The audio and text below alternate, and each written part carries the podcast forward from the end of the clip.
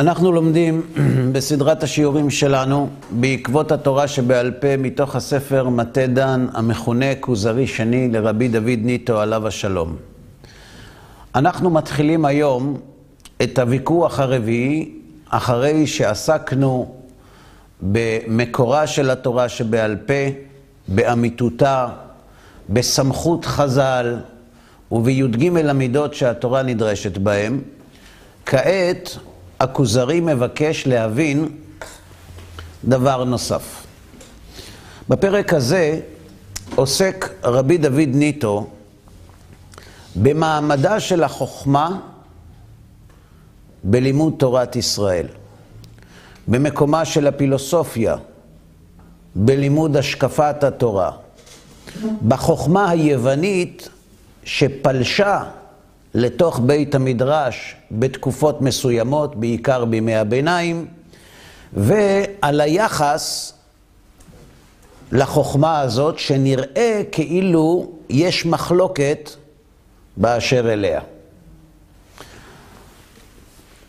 אמר הכוזרי, אמש זימותיי ניתקו, ומורשי לבבי נידדו שנתי מעיניי. זה מבוסס על פסוק בספר איוב. מה זה זימותיי? מחשבותיי. ומורשי לבבי, דהיינו, מורשת הלב מן השכל. נידדו שנתי מעיניי. בעברית זה לא ישנתי בלילה, מרוב מחשבות. זה קצת יותר ברור, לא? מה מטריד את המלך הכוזרי בלילה? על מה הוא חושב?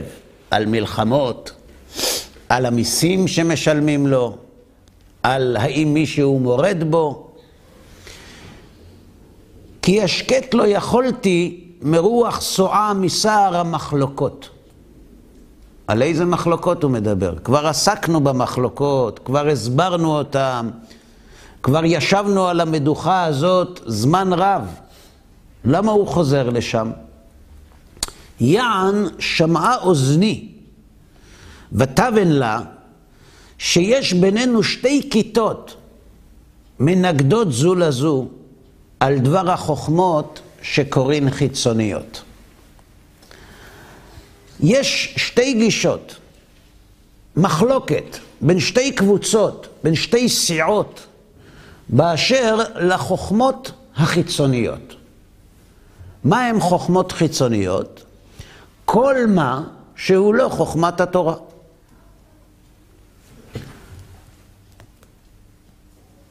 למעשה עד היום יש שתי גישות ביחס לקשר של האדם עם הקדוש ברוך הוא. גישה אחת היא גישה של עיון וחקירה ולמידה והחכמה, והגרסה השנייה אומרת שאין מקום לחקירה ולעיון ולהתחכמות בהיכל האמונה. שהאמונה של האדם צריכה להיות נקייה מכל מחשבה שכלית. אמונה תמימה. ללכת אחרי הקדוש ברוך הוא בארץ לא זרועה, בלי לשאול שאלות ובלי להתחכם. והגישות האלה חיות בינינו גם היום. יש אנשים שכאשר הם שומעים שיעור או הרצאה שעוסקים בסוגיית האמונה עם קצת יותר חקירה, הם מתרחקים מזה כמתחווי קשת. הם רואים בזה דבר פסול. במקרים מסוימים הם אפילו מזלזלים בזה כשהם אומרים, מה לך לחשוב? איך רם לבבך שאתה קרוץ חומר להבין את השם? לכן, עזוב, תאמין, ובזה נגמור את הסיפור. אבותינו סיפרו לנו, היה מעמד הר סיני, זה ברור, תתקדם הלאה. הרי בין כה וכה, גם אם תבין, תגיע אצל מקום שאתה לא מבין. אז בשביל מה להתאמץ? חוץ מזה, יש גם כאלה שאומרים שההתבוננות והחקירה ביסודות האמונה פוגמת באמונה. שהאמונה צריכה להיות תמימה, בלי שאלות. למשל, כאשר האדם משרת את המלך, עבדו של המלך, והוא מקבל את הפקודות מהמלך ומבצע אותן, אבל יש לו שאר רוח. ולכן הוא יושב לנסות להבין את כוונתו של המלך בפקודותיו. בא אצלו עבד אחר ואומר לו, עזוב, אל תבדוק. אמרו לך לעשות, תעשה. אמר לו, כן, אבל אני רוצה להבין את המלך. הוא אומר לו, זה מסוכן. למה זה מסוכן? כי אם אתה תבין ותמשיך להבין ועוד תבין, יגיע מצב שאם אתה לא תבין, אתה תהרהר אחר המלך, גם אם תמשיך לבצע את פקודותיו. ולכן, עזוב, אל תשכח מאיפה באנו. אנחנו עבדים. אז בוא נישאר שם. כן, הוא אומר לו, אבל, אבל אם אני אבין את הכוונה של המלך, אני אראה את חוכמתו, ואני אוהב אותו, ואני אודה לו על כך שהוא בחר בי לשרת אותו. יכול להיות, הוא אומר, אבל הסיכון יותר גדול. עזוב אותך. זו גישה אחת. הגישה השנייה, שמי שמציג אותה בצורה הברורה ביותר זה הרמב"ם, עליו השלום. הוא אומר, זה בסדר לבצע את הפקודות בלי לבדוק, בוודאי. הנאמנות היא ערך עליון בקשר של האדם עם הקדוש ברוך הוא. העשייה של המצוות לא מותנית בשום מחשבה או הבנה. נעשה ונשמע, וגם הרמב"ם למד חומש. אבל כיוון שבתורה יש מצווה, ואהבת את השם אלוהיך, כדי להגיע לאהבת השם צריך להכיר אותו. ואם אתה לא מכיר אותו, ואתה לא מבין מקצת דרכיו את מי בדיוק אתה אוהב, שאינו אוהבו, כותב הרמב"ם בהלכות תשובה, אלא בדעת שידעהו. ולכן הרמב"ם ראה בלימוד החוכמות דבר חשוב מאוד שמסייע לאמונה. כי בימי הרמב"ם, המדע של אותם ימים הוכיח שיש שם מצוי ראשון. דרך האסטרונומיה, דרך המדעים שהיו מקובלים באותה תקופה. ולכן אומר הרמב"ם, אם אתה רוצה להגיע להכרת הבורא כערכך, אתה חייב ללמוד חוכמות. כמובן שלפני זה אתה צריך ללמוד תורה, וצריך ללמוד הלכות, וצריך ללמוד איך מניחים תפילין, אבל כשאתה מגיע לרמה מסוימת, אם אתה רוצה להגיע לאהבת השם, וכפי הדעת תהיה האהבה. ודעת צריך לפרנס. ואיך מפרנסים את הדעת? עם ההחכמה, עם המחשבה, עם ההתבוננות ועם החקירה.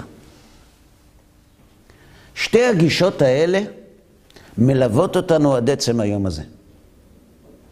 אגב, מישהו שלח פעם מכתב, פרופסור בארצות הברית, לרבי מלובביץ', זכר צדיק לברכה, רבי מנחם מנדל שניאורסון, עליו השלום. ובספר אמונה ומדע, בהוצאת קהת כמדומני, מופיעה התשובה שענה הרבי מלובביץ' לשאלה של הפרופסור. חסידות חב"ד, לובביץ', נקראת חסידות חב"ד, שחב"ד הם ראשי תיבות של חוכמה, בינה ודעת. וזה לא סתם. כי חסידות חב"ד היא חסידות מאוד מעמיקה, מאוד חושבת, מאוד חוקרת. והוא שאל אותו שאלה, הרי בידוע שבחסידות, אנחנו לא מדברים על החסידות של הרמח"ל, מדברים על תנועת החסידות. דרבנו את החסידים ללכת בדרך האמונה הפשוטה, והרחיקו את החקירה מאוד. כמו שאנחנו רואים למשל אצל רבי נחמן מברסלב ביחס שלו לספר מורה הנבוכים ועוד. ועד היום אתה יכול לראות שבתנועת החסידות, או מה שהיא הפכה להיות, לא עוסקים בחקירה ובהעמקה ביסודות האמונה, אלא דוגלים באמונה שהיא למעלה מן הדעת. שטוענים שהאמונה הפשוטה והתמימה היא הרבה יותר נעלית מן המחשבה והדעת.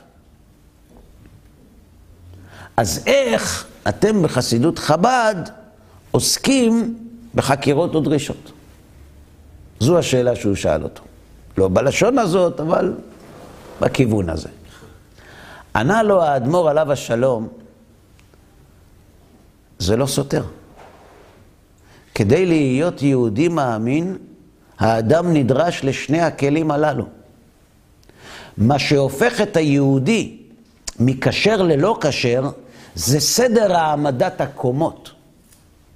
דהיינו, מי שמתנה את מעשיו ואת נאמנותו בחקירה ואחר כך באמונה, אמונתו אינה שלמה, נאמנותו תלויה בדבר. אם אני אבין, אני אכנס. אם אני לא אבין, אני אחפש מקום אחר. אבל מה יקרה אם האדם יאמר, נעשה? נעשה ללא כחל וסרק. נעשה גם בלי להבין. נעשה רק כי הקדוש ברוך הוא ציווה. ואחר כך יאמר נשמע. הנשמע הוא לא האמונה, הנשמע הוא בדעת. אני צריך לשמוע כדי להבין מה אני צריך לעשות כשהבטחתי נעשה, נכון? קומת האמונה היא הקומה הראשונה. אדם צריך ללכת אחרי הקדוש ברוך הוא בלי שאלות, בלי דרישות. הקדוש ברוך הוא נתן את התורה, אבותינו מסרו לנו אותה ואנחנו מחויבים לה. נעשה. אבל אחר כך צריך האדם להשתמש בשכלו כדי להבין ולהעמיק באמירה של הנעשה. וזו קומה שבה צריך להפעיל לא את הלב, את הדעת, אלא שלדעת יש גבול. ואחרי שהאדם עסק בחוכמה והעמיק וחקר ובדק ולמד והכיר את מי שאמר והיה העולם, והגיע אצל מקום שהוא לא יכול להמשיך משם יותר, הוא צריך להניח לשכל ולהמשיך עם האמונה שאיתה הוא התחיל. כלומר, בין האמונה התחתונה שמתחת לדעת לבין האמונה העליונה שלמעלה מן הדעת, בתווך צריכה להיות דעת. וזו הגישה שמחברת למעשה בין שתי עשיות הסותרות שהמקור שלהם כבר בימי הרמב"ם, שאנחנו עוד נראה בהמשך את הפולמוסים הגדולים שהתעוררו בעם ישראל ואיימו על שלימותו של עם ישראל, או יותר נכון על שלימותם של לומדי התורה והעוסקים בה בימי הביניים. בכל מקרה, הכוזרי לא ישן בלילה בגלל זה. עכשיו, למה, בואו ננסה לצאת רגע מהמשל. למה רבי דוד ניטו מדבר על זה? למה זה חשוב? הרי הספר הזה נכתב כדי לאשש את היסודות האמיתיים של התורה שבעל פה, ולאפשר לאנוסים שמבקשים לשוב ליהדותם, להיקלט ביהדות המקורית, האותנטית, אחרי שהם בילו בנצרות יותר ממאה שנים. למה הוא מכניס את זה כאן?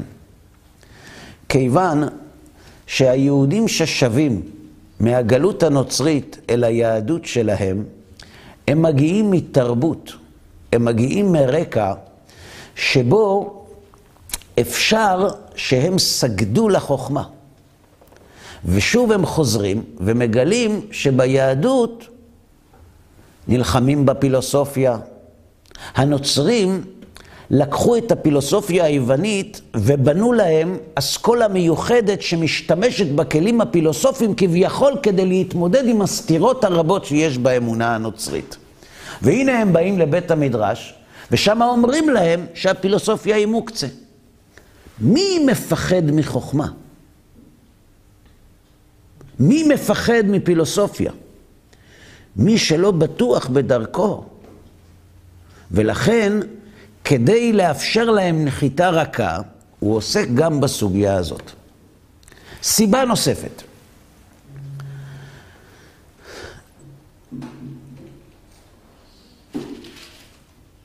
האנוסים ששבו אל היהדות, היה להם מאוד קשה לקבל את התורה שבעל פה, את הסמכות של החכמים. ולכן במשך כל הספר, מתחילתו עד, עד הוויכוח הרביעי, עוסק רבי דוד ניטו, עליו השלום, בלהראות לנו את הסמכות של חז"ל, בלהראות לנו את השיטה שעל פיה הם פסקו את ההלכה, להראות לנו את המידות שלהם, את הבריחה שלהם מהכבוד, אבל כאן הוא מבקש להראות לשבים לחיק היהדות עוד ערוץ אחד, את החוכמה שלהם. תדע לך, אם יאמרו לך שעזוב אותך, חכמי ישראל קבעו להם דברים, הם, אה, אתה יודע, במה הם התעסקו? הם דיברו יידיש, במה הם, מה הם הבינו? הם... לא מדע, לא כלום, שום דבר. לא, לא מושך את הלב. הקנקן לא מאיר, לא מבריק. אז בוא אראה לך שהיו חכמים. ואדון איתך בשאלה מה מעמדה של החוכמה ביהדות. כותב הכוזרי. יען שמע אוזני ותבן לה שיש בינינו שתי כיתות מנוגדות זו לזו, על דבר החוכמות שקוראים חיצוניות. זאת אומרת שאברהם אבינו עליו השלום היה בקיא בהם, בכלליהן ובפרטיהם ובכל חילוקיהן. ושהוא לימדם בארץ כסדים ובמצרים ומשם נשפשטו בכל העולם. וזאת אומרת שלא באלה חלק יעקב, כי הבל המה, מחשבות אדם ותחבולותיו. יש כת אחת שאומרת, חוכמה? חוכמה זה דבר גדול. מאיפה הגיעו כל החוכמות לעולם? מאברהם אבינו. חז"ל אומרים, אברהם מצטגנין היה, היו מלכי מזרח ומערב משכימים לפתחו ליטול ממנו עצה. אברהם אבינו עסק באסטרונומיה, באסטרולוגיה, במדע העתיק. ומשם נתפשטה חוכמתו למצרים, ומשם לעולם כולו. חוכמה זה דבר חשוב. אבי המאמינים עסק בפילוסופיה. ואלה אומרים, לא באלה חלק יעקב. לא. כי הבל המה, מחשבות בני אדם ותחבולותיו. מחלוקת. המחלוקת הזאת טורדת את מנוחתו של המלך. ולפי דעתי, הוא אומר, זאתי הסברה הנבחרת. איזו? השנייה. שמה אומרת? בלי חוכמה. עזוב אותי, נלמד תורה. בלי תוספות, בלי לטבל, בלי וישכון באוהלי שם. יפת, שיחיה במקומו. זו דעתו, זו הנטייה האמונית של הכוזרי. אחרי כל השאלות השכליות שהוא שאל עד עכשיו. אה? אחרי כל השאלות השכליות שהוא שאל עכשיו, זה נראה בדיוק הפוך, כאילו. כל, כל השאלות שהיו... אתה אומר, אחרי שגמרת לשאול את כל מה שהיה לך בשק של השכל, אתה אומר שזו הדרך? תכף נראה. למה, למה הוא חושב שזו הסברה הנבחרת? כי הנני רואה מה שכתב בספר הכוזרי, החכם, רבי יהודה הלוי, זכר צדיק וקדוש לברכה, בוויכוח א'. ומה הוא כותב? וזה לשונו על הפילוסופים. אמר הכוזרי, כלומר, עכשיו הכוזרי השני מדבר עם החבר ומנסה להסביר לו למה דעתו נוטה לדעה השנייה שאוסרת את החקירה ומרחיקה את הפילוסופיה, והוא מסתמך על סבו במשל הכוזרי הראשון. והוא מצטט את רבי יהודה הלוי. וזה לשונו על הפילוסופים. אמר הכוזרי. איזה כוזרי אמר? הראשון. הראשון. אני רואה שהטעונו בשמות האלה ושמונו משתפים עם הבורא. באומרנו, הטבע חכם, הטבע פועל, ואפשר בורא על טעם דבריהם. והחבר הודה לדבריו, ואמר כן הוא. כלומר, בפרק הראשון מסביר החבר למלך הכוזרי הראשון למה יש כשל בפילוסופיה. אומר, הפילוסופים המציאו דברים שהם בעצמם לא יודעים להסביר. כלומר, טיפסו יותר מהגובה שלהם. למשל, כשהפילוסופים אומרים, הטבע עושה, הטבע ברא, הטבע חושב, מי הוא הטבע? המציאו מילים. ביהדות אין מילה כזאת. ביהדות יש מנהגו של עולם. אין טבע. nature. אין דבר כזה. הם נתנו לטבע ישות עצמית. הם הפכו את הטבע למישהו. אז אם אתה רואה שרבי יהודה הלוי בספר הכוזרי מתנגד לפילוסופים ומסביר עד כמה טעויות יש בדבריהם ובגישה שלהם, לכן דעתי נוטה לדעתו להרחיק את הפילוסופיה, שלא באלה חלק יעקב. וסיבה נוספת שאני נוטה לדעה השנייה. ובפרק חלק אמר רבי עקיבא, על מי שאין לו חלק לעולם הבא, אף הקורא בספרים החיצוניים אין לו חלק לעולם הבא. זאת אומרת, מי שקורא בספרים חיצוניים, מה זה ספרים חיצוניים? אנחנו לא יודעים מה זה. אבל מי שקורא בספרים שהם חיצוניים, כלומר יש את הספרים הפנימיים, שזה התורה, זה אנחנו יודעים מה זה, ויש ספרים חיצוניים. מה הם בדיוק הספרים החיצוניים אנחנו לא יודעים, אבל אנחנו יודעים שזה לא התורה. כלומר, מדברי רבי עקיבא אני למד, אומר לו הכוזרי לחבר, שכל מי שעוסק בחוכמתו לא בתורה, אלא בספרים שקוראים אותם חיצוניים, כלומר אחרים, חיצוניים לתורה, אין לו חלק לעולם הבא.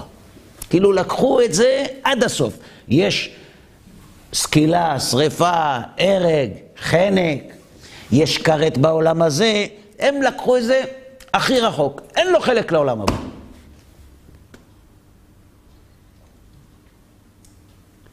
כתוב בגמרא, במשנה, בפרק 11, במסכת סנהדרין, כתוב, כל ישראל, יש להם חלק לעולם הבא. זאת אומרת, הכלל הוא, נקודת הפתיחה, כולם עולים לרכבת. יש כאלה שמורידים אותם. אז מי הם היותר? שיש להם או שאין להם? שיש להם. והמיעוט, שאין להם. וההוכחה לכך היא המשנה בהמשך.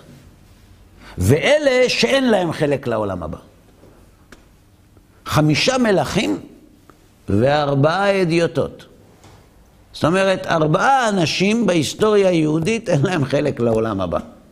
לכן האמירה כל היא מאוד מתיישבת, כי מה זה ארבעה אנשים לעומת מיליוני מיליונים, נכון? אבל אם מי שקורא בספרים חיצוניים שהם לא תורה, אין לו חלק לעולם הבא, אני חושב שהמספר היה צריך להיות במקום ארבעה, שמונה, תשעה, לא רק ארבעה, נכון? מיליון. לא יודע כמה, יותר מארבעה. לא היה ספרים עד כאילו, לא? אתה אומר לא היה ספרים בכלל. לא היה ספרים? לא? באמת? אז איך הוא אומר, רפה קורא בספרים חיצוניים? איגרות. איגרות. זה לא היה אה? לא היה בדפוס. בסדר, אבל היו. כן, בבקשה. איך זה, מה זה כל ישראל יש להם חלק לעולם הבא? כלומר, איך זה... מה זה כל? כל זה כולל את כולם. אז מה, גם כאלה שעושים, שלא הולכים בדרך התורה, וזה, זה, איך זה מתיישב הדבר הזה? אני חוזר על שאלתך. אם כל ישראל יש להם חלק לעולם הבא, אז מה עם כל אלה שלא מקיימים את מה שכתוב בתורה? גם להם יש חלק לעולם הבא? שתי תשובות בדבר.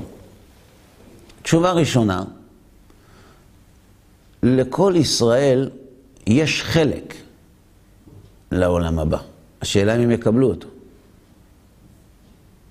בסדר? העוד לנו חלק ונחלה בבית אבינו. יעקב חבל נחלתו.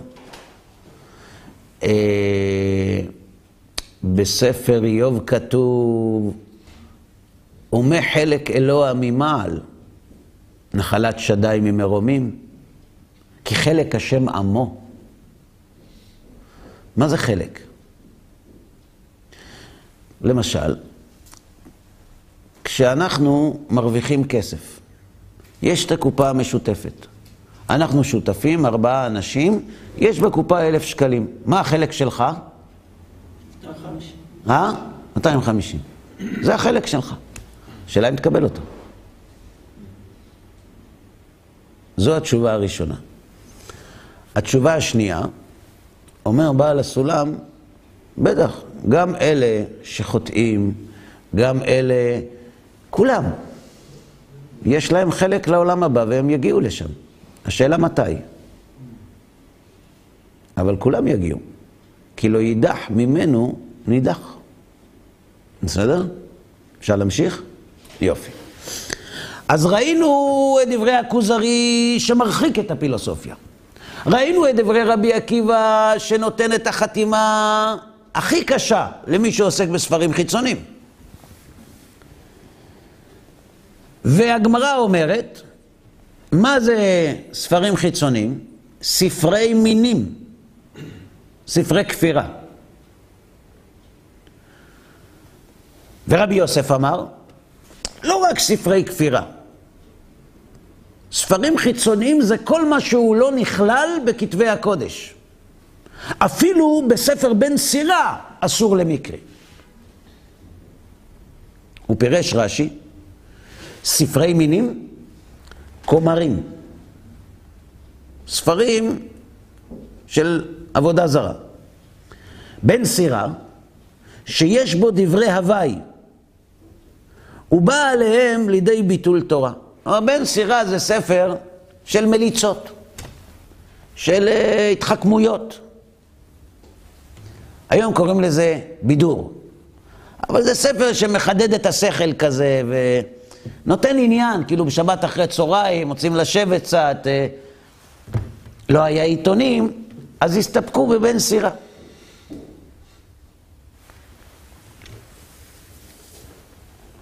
והרב, רבנו עובדיה מברטנורה, עליו השלום, מפרש המשנה, פירש ספרים חיצוניים כגון ספרי אריסטו היווני וחבריו. ובכלל זה, הקורא בספר דברי הימים של מלכי גויים ובשירים של עגבים ודברי חשק, שאין בהם חוכמה ולא תועלת, אלא עיבוד זמן בלבד.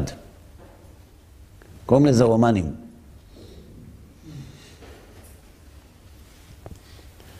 רגע. רבי עקיבא אמר שהקורא בספרים חיצוניים, אין לו חלק לעולם הבא. ורבנו עובדיה מברטנורה אומר שהספרים חיצוניים זה הספרים של אריסטו. אז איפה הרמב"ם בתמונה? כאילו, אין לו חלק לעולם הבא? אם הרמב"ם מביא דברי אריסטו, ואם הרמב"ם חיבר בגיל 15 קיצור לספר ההיגיון, ללוגיקה של אריסטו, אז הוא למד את אריסטו או לא? אה? עד גיל 13, אז לפני ש... למד. עד גיל 13 אתה אומר. מעניין, כי את מורה נבוכים הרמב"ם התחיל לכתוב בגיל 52. ושם במורה נבוכים הוא מתייחס מדי פעם לאריסטו. לפעמים מקבל את דבריו, לפעמים שולל אותם. אז יש להניח שהוא למד דברי אריסטו. איך אני יודע שהוא למד? כי הרמב"ם בעצמו כותב שהוא למד. אז עכשיו יש שאלה גדולה. רבי עובדיה מברטנורה חי לפני כ-500 שנה, והרמב"ם חי לפני כ-900 שנה. אז כשרבנו עובדיה מברטנורה כותב על הספרים החיצוניים, הוא יודע שהיה רמב"ם שכתב מורה נבוכים שעוסק רבות באריסטו. אז מה לגבי הרמב"ם? אולי התכוון למי שעוסק בהם בלי שום תכלית. אתה מלמד זכות על הרמב"ם. זה חשוב, אבל הוא לא כותב את זה. כותב רבנו עובדיה מברטנורה עליו השלום, ספרי מינים, מה הם ספרים חיצוניים?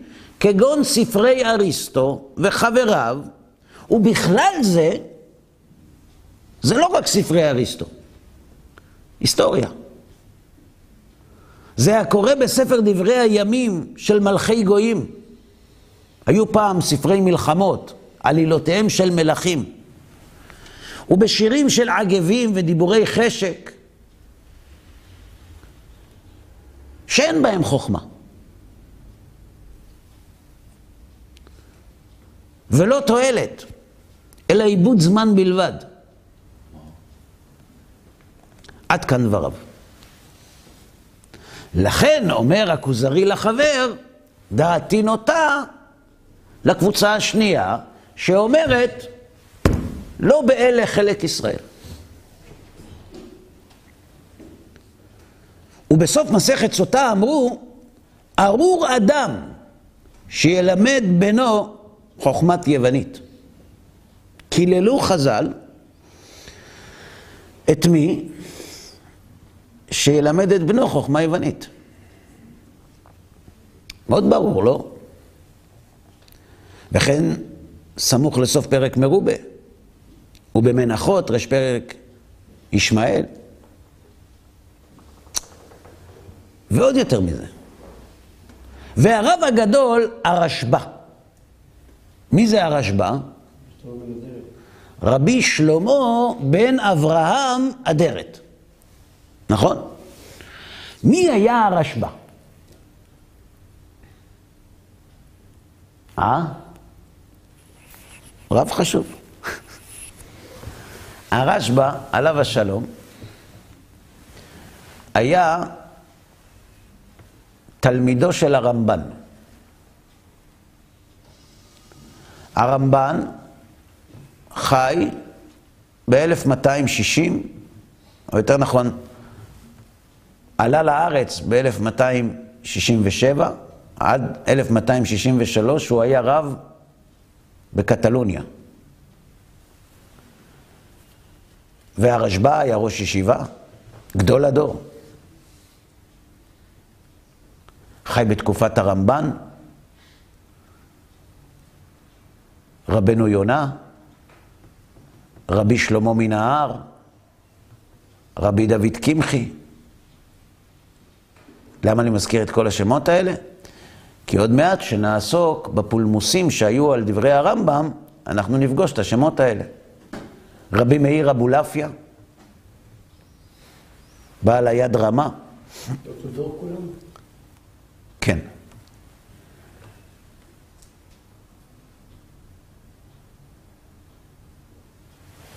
והנה הרב הגדול הרשב"א, זיכרונו לברכה, עם שלושים ושמונה חכמים. אתם רוצים את השמות שלהם? אם יש לי את כולם פה.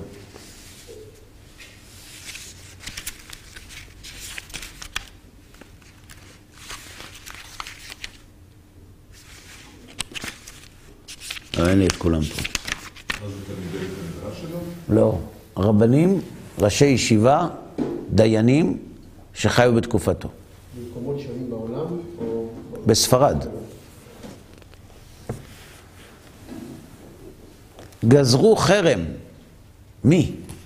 הרשב"א ועוד 38 מגדולי הדור. על מי גזרו חרם? על הלומד ומלמד ספרי היוונים, אשר חיברו בחוכמת הטבע וחוכמת האלוהות, הפיזיקה, המטאפיזיקה. בין בלשונם, בין שהועתקו ללשון אחר.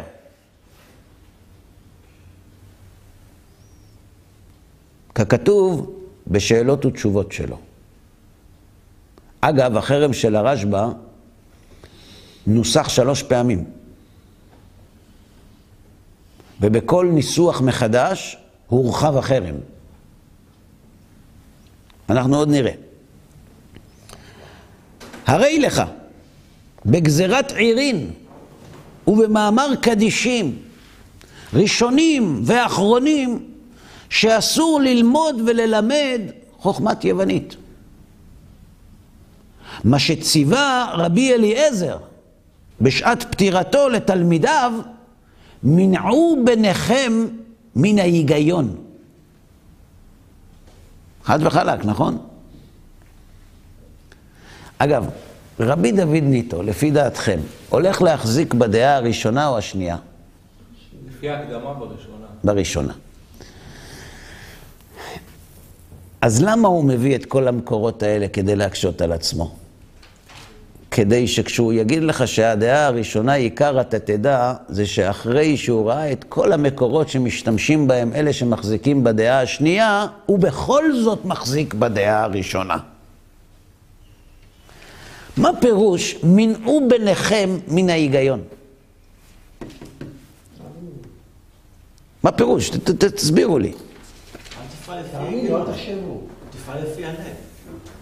יש בעיה עם האמירה הזאת. נסביר תכף למה. כן, בבקשה. צריך לראות את זה אולי בקונטקסט יותר כללי. יש מאבק בין השומרים, אינטרנט רימון, אוקיי? אסור, טלפון לא כשר. ידידי היקר, אנחנו ערוץ ממלכתי ולא עושים פרסומות לא, לאף לא, אחד. אני לא משם, אני אה, מתכוון, סליחה, אוקיי. אני מתכוון, במסגרת מאבק לגיטימי בין הכולל, השטייטר, לבין אלה שרוצים אה, השכלה... קיצור, בין המס... המושג חרדים הוא מושג חדש מאוד. הוא לא מושג, אה, הוא מושג שמתחיל בחתם סופר. חרד מלהתקלקל, חרד, חרד, הוא לחוץ, הוא מפחד. גאה. גאה. גם לא טוב היום, אבל לא משנה. בסדר, זאת אומרת, אני מבין מה אתה אומר, אבל אני לא מסכים. יש כאן ויכוח עקרוני. זה לא ויכוח סמנטי או חברתי או תרבותי אפילו. זה ויכוח עקרוני דתי. איך צריך להיראות הקשר שבין האדם לקדוש ברוך הוא. אסור לנו לעמעם את הוויכוח הזה. אסור לנו גם לפחד ממנו.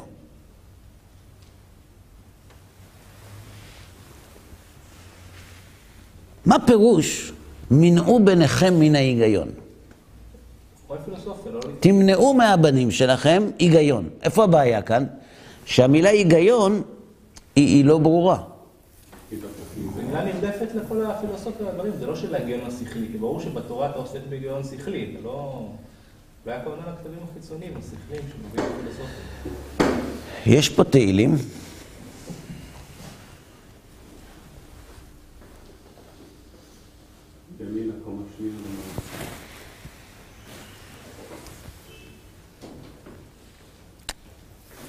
תודה רבה.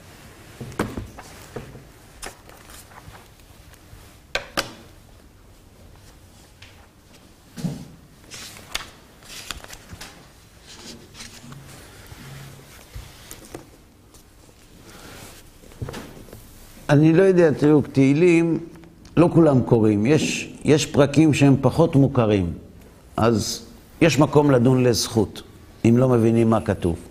בסדר? זה אחד מהם. מזמור שיר ליום השבת. לא, הוא לא מזמור כל כך מוכר. טוב להודות להשם. איפה שאתם נתקעים בהבנה, תגידו לי. כי מרוב שאנחנו קוראים את זה, אנחנו מבינים הכל. אז אם נתקעתם, תגידו לי. מזמור שיר ליום השבת. טוב להודות להשם ולזמר לשמך עליון. עד כאן זה בסדר? כאילו אנחנו שמחים להודות להשם ולזמר לשמו הגבוה והעליון והנעלה. להגיד בבוקר חסדיך ואמונתך בלילות. שכאשר הנהגתך מגולה בבוקר, אנחנו רואים את החסד שלך. ואילו בלילות, שהכל נסתר, אנחנו לא רואים את החסד, אבל אנחנו מאמינים בלילות. עלי עשור ועלי נבל, עלי היגיון בכינור. בכבוד.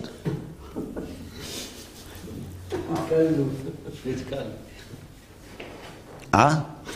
פסוק יפה. יש בו הרבה שירה. עלי עשור ועלי נבל. עלי היגיון בכינו. מה זה היגיון? שכל. שכל? זה היום. אבל כשרבי אליעזר אמר, מנעו בניכם מן ההיגיון, למה הוא התכוון? כל התורות כל אה? לא לפתוח את הידיים לדברים שנראים אה, נכונים. או- כל מה שנראה מחוץ לתורה. טוב. אז מה היה, אה, אה, אה, מה הייתה נושאת בתוכה המילה היגיון לפני 1,800 שנה? אולי אנחנו לא יודעים. אבל בואו נלך מה לפני אלף שנה. זה גם לא היום. בסדר? זה, זה יותר קרוב ל-800 מאשר אלינו. תביא בבקשה גמרא. מסכת ברכות. לא נראה מה כתוב שם.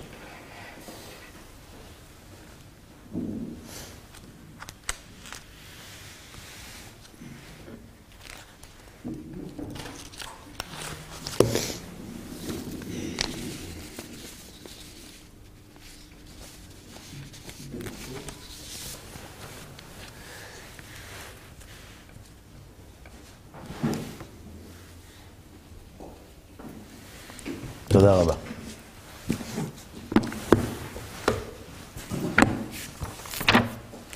אומרת הגמרא מסרת ברכות,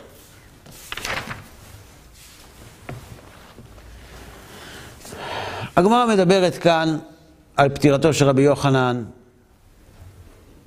ועל פטירתו של רב לזר, נכון?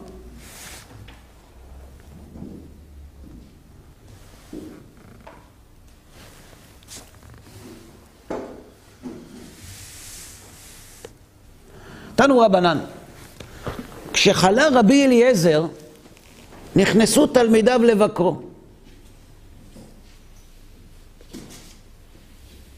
רבי אליעזר לא היה מגיע לבית המדרש.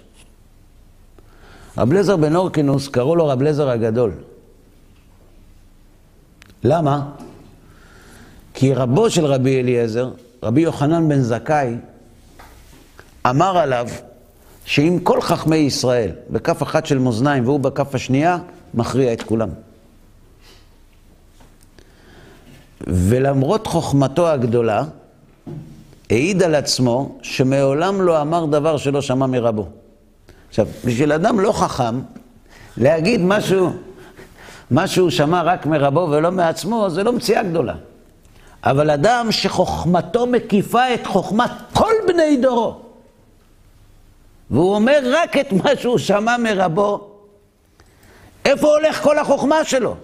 מה הוא עשה איתה? מה, מה, מהו החותם שהוא הטביע? זאת אומרת, יש כאן שני ניגודים. מצד אחד, רב לזר בן אורקנוס בחוכמתו מקיף את כולם, מצד שני הוא אומר, מעולם לא אמר מה שלא שמע מרבו. רב לזר בן אורקנוס, לא נולד רב לזר בן אורקנוס. הוא נולד בן אורקנוס, אליעזר. הוא היה עיקר. אבא שלו היה עשיר, והוא היה עובד בשדה. כי בדרך כלל אנשים עשירים נותנים לילדים שלהם לעבוד קשה, לא כי הם מקמצים עליהם, כי יש סכנה גדולה להיוולד בן של עשיר, שהוא לא יודע להעריך את הכסף. ומי שלא יודע להעריך את מה שנותנים לו, הוא שותה, הוא יפסיד את כל הכסף שלו. ויום אחד חשקה נפשו בתורה. אבא שלו אמר לו, תקשיב, אם אתה הולך לישיבה, גמרת איתי. שקל לא תראה ממני. תהיה בן אדם, לא צריך להיות דתי. תהיה בן אדם, תעבוד, אל תהיה פרזיט, מה יצא ממך בישיבה? שקל לא תראה ממני. אמר לו, אבא, אני לא צריך כסף. אני יכול ללכת. הלך. לא היה לו מה לאכול. יום אחד רבי יוחנן הריח מהפה של רבי אליעזר ריח רע. אז הוא שלח לראות מה הוא אוכל. הוא היה גר באיזה, באיזה יחידת דיור של אישה אלמנה שלפרנסתה הייתה מזכירה את זה, והוא היה אוכל חול כדי ללמוד תורה. כתוב אחר כך בגמרא שאבא שלו כבר ריחם עליו, כאילו מסכן הילד וזה, כדרכם של הורים שנשברים ולא עומדים בדיבורם. אז הוא בא לבקש מרבי יוחנן שיתיר לו את הנדר על הבן שלו. אמר רבי יוחנן, ישבו כל חכמי ישראל, אמר רבי יוחנן, יקום אליעזר בן אורקנוס וידרוש. עכשיו, בן אדם שלא אומר דבר שלא שמע מרבותיו, זה אומר שיש לו כבוד לרבותיו, נכון? והרב אומר לו לדבר בפניו, פחד עצום. ואמר דברים שלא שמעתן אוזן מעולם. שאלה עצומה. איך יכול להיות אם הוא אמר רק את מה שהוא שמע מרבו? זה נקרא תלמיד שמחכים את רבותיו. הוא אמר את הדברים שרבי יוחנן אמר, אבל הוא העמיק בהם כל כך למחוזות שאפילו רבי יוחנן לא העמיק. אבל רבי אליעזר לא הגיע לבית המדרש משלב מסוים בחייו, כי חכמי ישראל פרשו ממנו. יש אומרים, חלילה נידו אותו, יש אומרים שלא, אי אפשר לדעת. אבל הוא לא הגיע, זה היה אחרי תנור של אחנאי, שלא הסכים רבי אליעזר לקבל דעת הרוב בסנהדרין של רבי יהושע ורבן גמליאל. שרפו טהרותיו ואמרו לרבי עקיבא, לך תגיד לו ש... שלא יבוא יותר. סיפור, גמרא מביאה את זה במסכת בבא מציע. אבל לפני שהוא נפטר,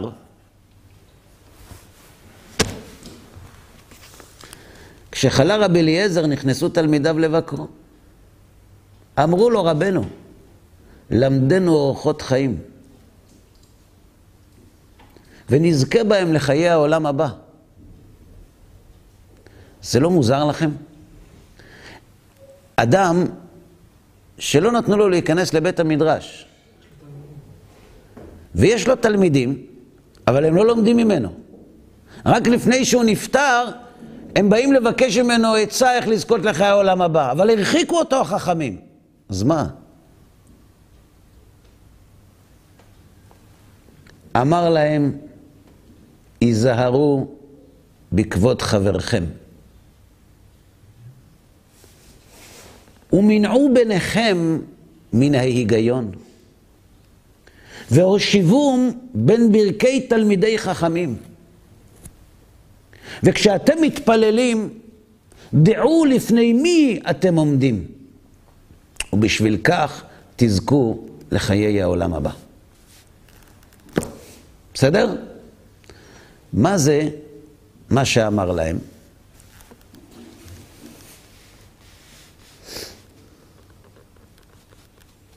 מה זה מנעו בניכם מן ההיגיון?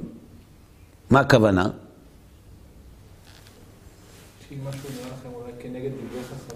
אה? אומר רש"י,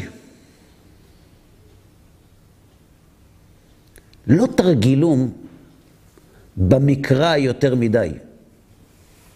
שלא ילמדו יותר מדי חומש. בסדר? מה רע בחומש? חומש זה הבסיס שלנו. אגב, רש"י לא היה יכול לפרש כמונו. ההיגיון זה השכל. זאת אומרת, רש"י לא הסכים שרב לזר ביקש למנוע מהאנשים להשתמש בשכל שלהם. והוא אומר שהכוונה היא על המקרא. אומר הנציב מוולוז'ין, למה שלא ילמדו מקרא? למה למנוע מהילד ללמוד מקרא? אם תסתכלו, תראו, כשילד מתחיל ללמוד בתלמוד תורה, מה מלמדים אותו? חומש ויקרא. למה דווקא ויקרא? שטהורים יעסקו בטהרה, בקורבנות. בסדר? אחר כך מלמדים בראשית, ולפי סדר. ואז הוא הולך לישיבה, מפסיק ללמוד. לא לומדים חומש. מתי הוא חוזר לחומש ולנביא, אם הוא חוזר? אחרי שהוא מתחתן. למה מנעו בניכם מן ההיגיון? כותב הנציב מוולוז'ין, בפירושו לתורה יעמק דבר על הפסוק כי שעירים עלי דשא, חרביבים עלי עשב. והוא כותב, והקדים לעמוד הלכות כטל,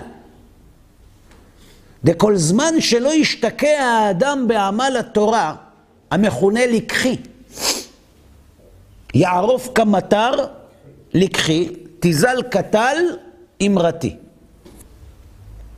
מה זה כמטר לקחי וקטל אמרתי? מה ההבדל בין לקחי לאמרתי? כתוב.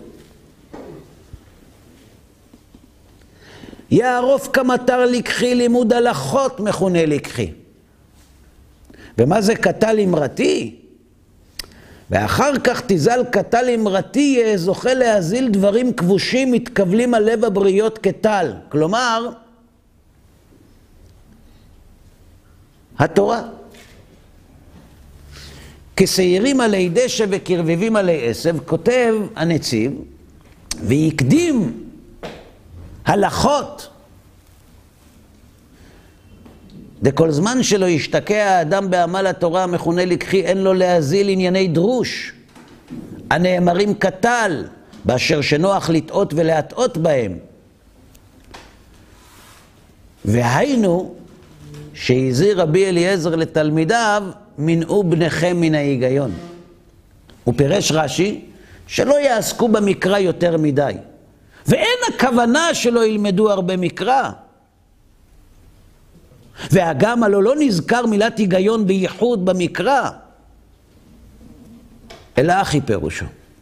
מנעו בניכם שלא הגיעו עוד ללימוד התלמוד, ועומדים בלימוד מקרא מן ההיגיון, שהוא העיון, שלא יעיינו עוד בלימודם, שהוא מקרא, באשר לא עמדו עוד על עיון התלמוד לכוון אל האמת.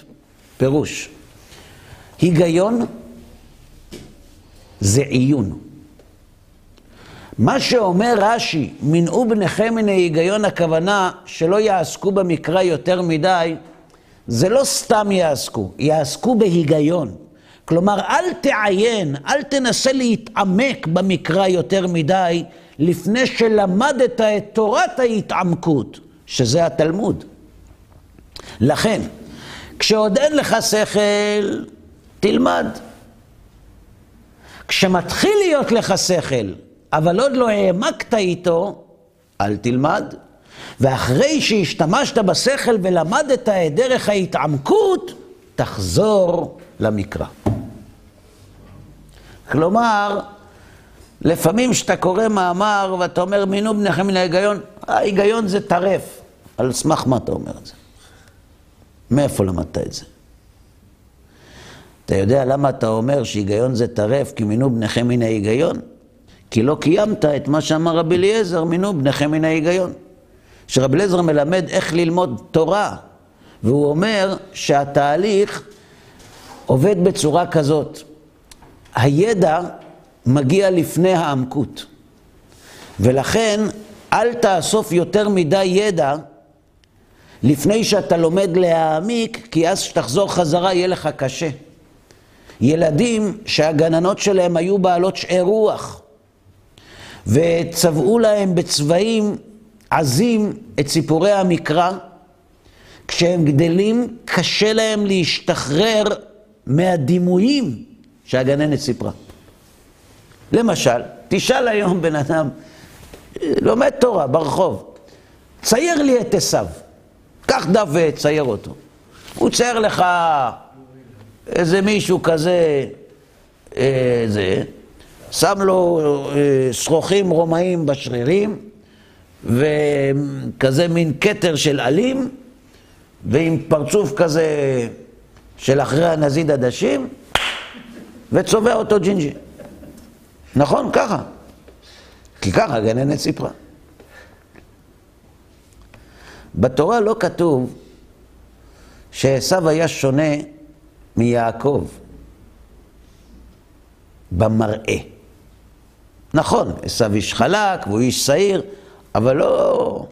הם היו שונים בתפיסה, זה כן.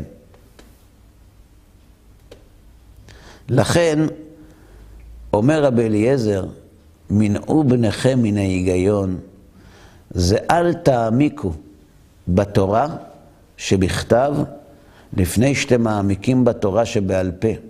כי העמקה בתורה שבעל פה מלמדת אותך להעמיק נכון, ואז אתה צריך לחזור לתורה שבכתב. בכל מקרה. אז הכוזרי, אחרי שהוא קורא את כל המובאות האלה, אם מנעו בניכם מן ההיגיון, ויש המפרשים, אומר הכוזרי לחבר, דהיינו הלוגיקה, העיון, לפי זה אין ספק שלא ידעו החוכמות, ולא יכירום, ולא העלו שמותם על שפתיהם. זאת אומרת, אם חכמי ישראל כל כך התנגדו ללוגיקה ולמדעים ולפילוסופיה, אז הם לא ידעו את זה. אז הם לא עסקו בחוכמות. ואני מבקש ממך, מה השנאה הזאת? ומה שמץ דבר רע נמצא בהם נגד תורתנו הקדושה והתמימה? מפריע לי שחז"ל מפחדים. מפריע לי שחז"ל לא עסקו בחוכמות. כי כשאני בא להתווכח עם אנשים שעוסקים רק בחוכמות, מה הם אומרים? תגיד, באוניברסיטה למדת? יש לך תואר? אתה איש מדע? מה למדת? גמרא. בסדר. אם היית לומד באוניברסיטה, היית מבין שכל מה שאתה חושב זה לא נכון. אז אם החכמים היו דוקטורים, טוב, אז עכשיו צריך להתחיל להתווכח, הם צודקים, הם לא צודקים, אבל אם הם כל כך התנגדו לחוכמה, בטוח הם לא היו דוקטורים. קשה מאוד עם זה. יש יהודי אחד יקר, היום הוא כבר בן 60, 95 עד 120. הוא אמר לי פעם, היה, הגיע לסמינרים של ערכים, ככה בגיל 86, 7, אמצע החיים. אז הוא, הוא אמר לי, אתה יודע, אהרון, אתה חייב ללכת לאוניברסיטה. אמרתי לו, למה? הוא אומר לי, אתה צריך שיהיה לך תואר. כשאתה עומד מול אנשים ומדבר, ואתה אומר, אני דוקטור, הם מקשיבים לך. אתה צריך להבין את זה. אתה חייב ללכת לאוניברסיטה. אני אדאג שיכניסו אותך לאוניברסיטה, יש לי קשרים. אמרתי לו, אבל אני, אני עוד ילד, אין לי בגרות. לא התבגרתי אפילו, איך אני אלך לאוניברסיטה? אמר לי, אני אסדר לך להיכנס לאוניברסיטה בלי בגרות. אמרתי לו שאני רוצה להישאר צעיר. לא מעוניין. לבזבז זמן רק בשביל שתגיד שאתה דוקטור, חיים רק פעם אחת. לא חבל על הזמן? אז במקום שהם יתעשתו ויבינו שדוקטור כן, דוקטור לא, לא מעלה ולא מוריד, אלא קבל האמת ממי שאמרה, שזה לא צריך ללמוד הרבה שנים. זה ברגע אחד אפשר להבין. למה שאני אלמד כמה שנים רק בשביל שהם יסכימו להקשיב לי? לא חושב שזה מתאים, אמרתי לו. כל כך הצטער, אין לכם מושג, הוא התקשר אליי אחרי זה אולי עוד שש, שבע או שמונה פעמים כדי לנסות לשכנע אותי. אתה צריך שיקראו לך דוקטור. מה עונה החבר לכוזרי? יש כאלה שמשיגים תואר דוקטור בלי ללמוד. אה? יש כאלה שקונים תואר דוקטור כזה. אתה אומר, אפשר בלטביה. אפשר, כן. כן, כן. יש לו קשרים. אני אגיד לך, גם לשקר יש גבולות. אתה מבין? זאת אומרת, גם התואר הזה יש בו שקר, וגם לקנות אותו בשקר זה כבר יותר מדי. זה כבר יותר מדי. לעסוק בשקר ולקנות אותו בשקר בשביל שיקבלו ממך תורת אמת, זה לא הולך ביחד. מה עונה החבר לכוזרי? על השאלות שלו. בשביל זה, בעזרת השם, יש פעם הבאה. עד כאן להיום.